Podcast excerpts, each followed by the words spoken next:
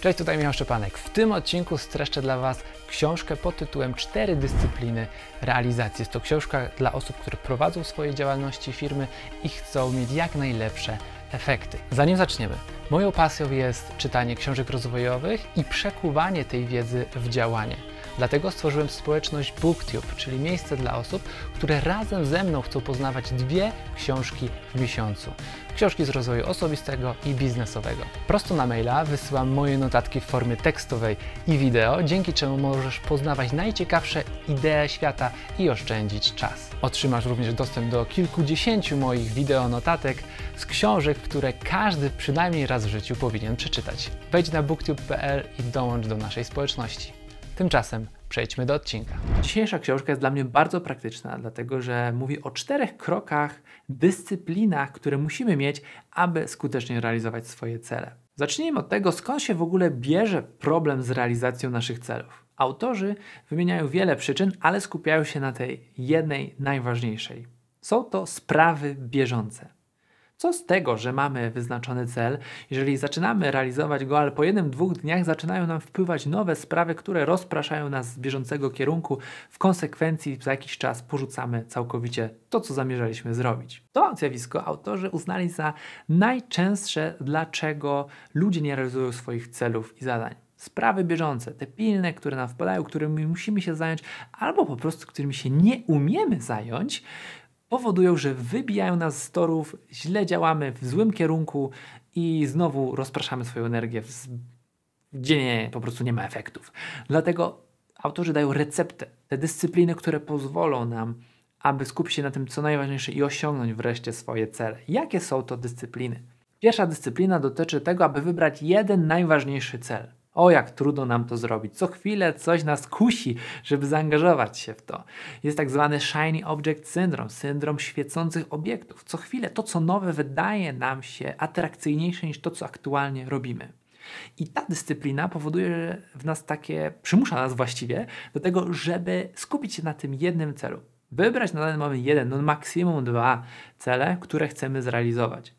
Ten sposób skupiamy naszą energię i czas w jednym kierunku jak laser możemy iść do przodu, ciąć ten metal naszej drogi laserową precyzją.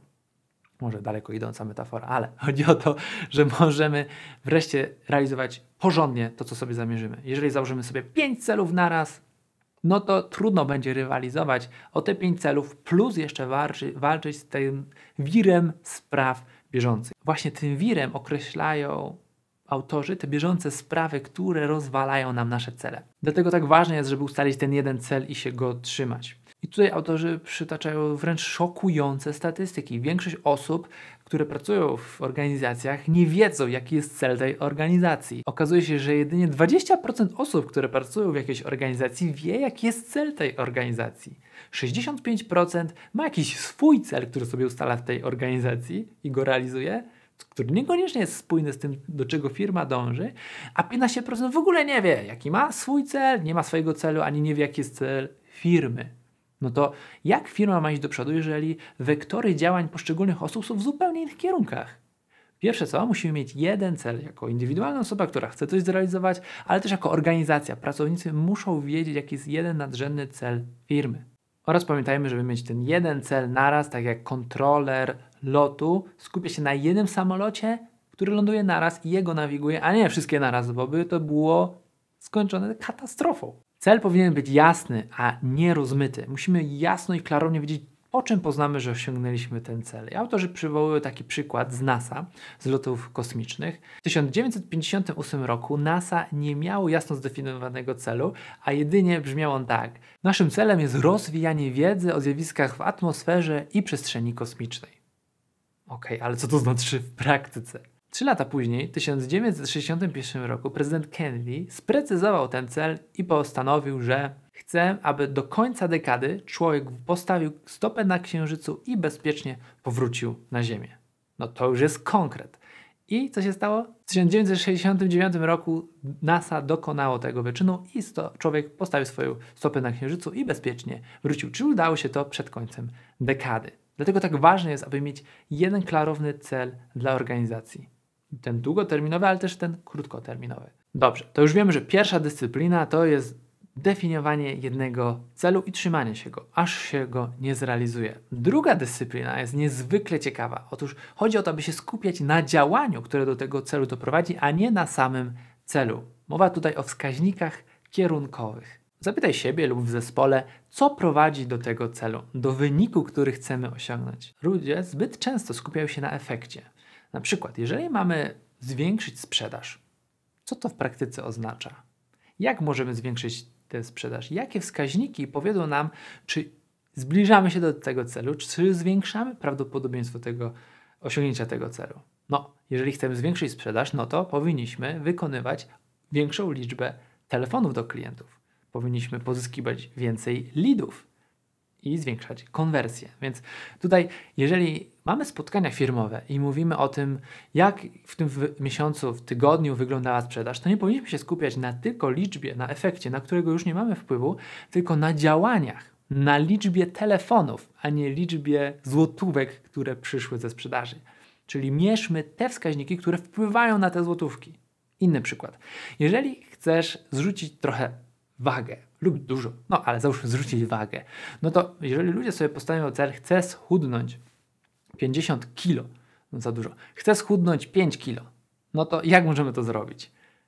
Biegać, jeździć na rowerze, po prostu trening fizyczny, czyli można policzyć ilość treningów oraz odpowiednio się odżywać, czyli liczba spożytych kalorii. I te dwa wskaźniki powinniśmy mierzyć, czyli ile ćwiczymy, ile treningów z siebie dajemy oraz ile przyjmujemy kalorii w ciągu dnia.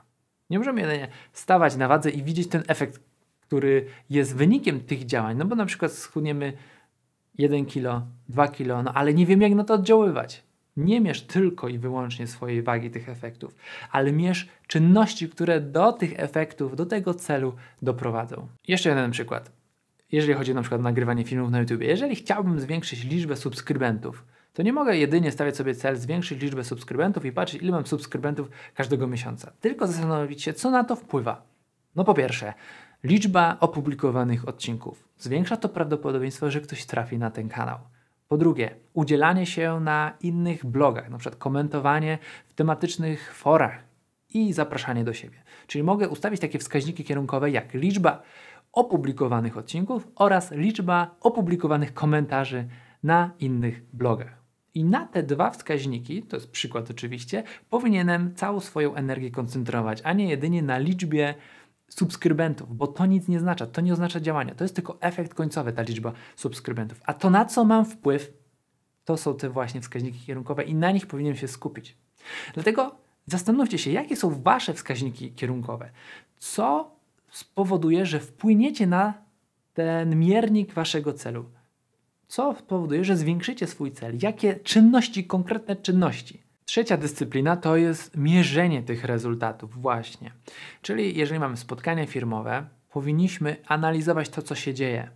Analizować, jak podczas meczu, ile mamy punktów. Jeżeli mamy te wskaźniki kierunkowe, to mierzmy je na tablicy wyników. Tak jak jest prowadzony mecz, mamy wyniki, ile jest bramek, tym celem jest wygrany mecz, ale to, na co mamy wpływ, to bramki. A nawet to, co, na co mamy wpływ, to podania, które, jeszcze większy wpływ, to podania, które do tej bramki prowadzą. I na tych podaniach powinniśmy się skupić. Na tych stałych elementach gry. Dlatego to wszystko powinniśmy mierzyć. Jeżeli mamy organizację, firmę i zespół, to motywatorem, jednym z największych motywatorów będzie właśnie ta wspólna rywalizacja, wspólne dążenie do celu. Ile wykonałem telefonów, ile opublikowałem odcinków, ile zrobiłem jeszcze innych wskaźników, a nie same wyniki, na które trudno jest nam wpłynąć, bo jest to zbyt abstrakcyjne. Czyli jeżeli mamy zespół, trzecia dyscyplina to jest prowadzenie tablicy wyników. Nawet jeżeli sami realizujemy cele, to również powinniśmy mieć jakiś system, który będzie nas motywował, zapisywać te wyniki, ile wykonaliśmy telefonów, ile odcinków opublikowaliśmy w tym miesiącu, ile komentarzy napisaliśmy i tak. I czwarta dyscyplina to jest zbieranie tygodniowych zobowiązań. Chodzi o to, żeby były takie spotkania w firmie, gdzie ktoś prezentuje, ile właśnie tego wyniku zdobył, nie tylko bieżąca analiza, tak jak w trzeciej dyscyplinie, co się dzieje podczas meczu, ale jak mi poszło, co mogę zrobić jeszcze lepiej, ile mi się udało wykonać telefonów, ile to przyniosło sprzedaży, prawda? Jakie jeszcze inne rzeczy mogę robić, żeby wpłynąć na ten wynik. Oraz nie zapominajmy o celebracji, czyli świętowaniu sukcesów. Tak jak piłkarze cieszą się po wygranym meczu, tak zespół powinien cieszyć się po określonej liczbie wykonanej czynności, która to zwiększa prawdopodobieństwo osiągnięcia tego celu. Dlatego nie zapominajmy o nagradzaniu siebie za wyniki, czy też nagradzaniu naszego zespołu, wspólnemu świętowaniu, jeżeli uda nam się zrealizować dany wynik, czy też cel.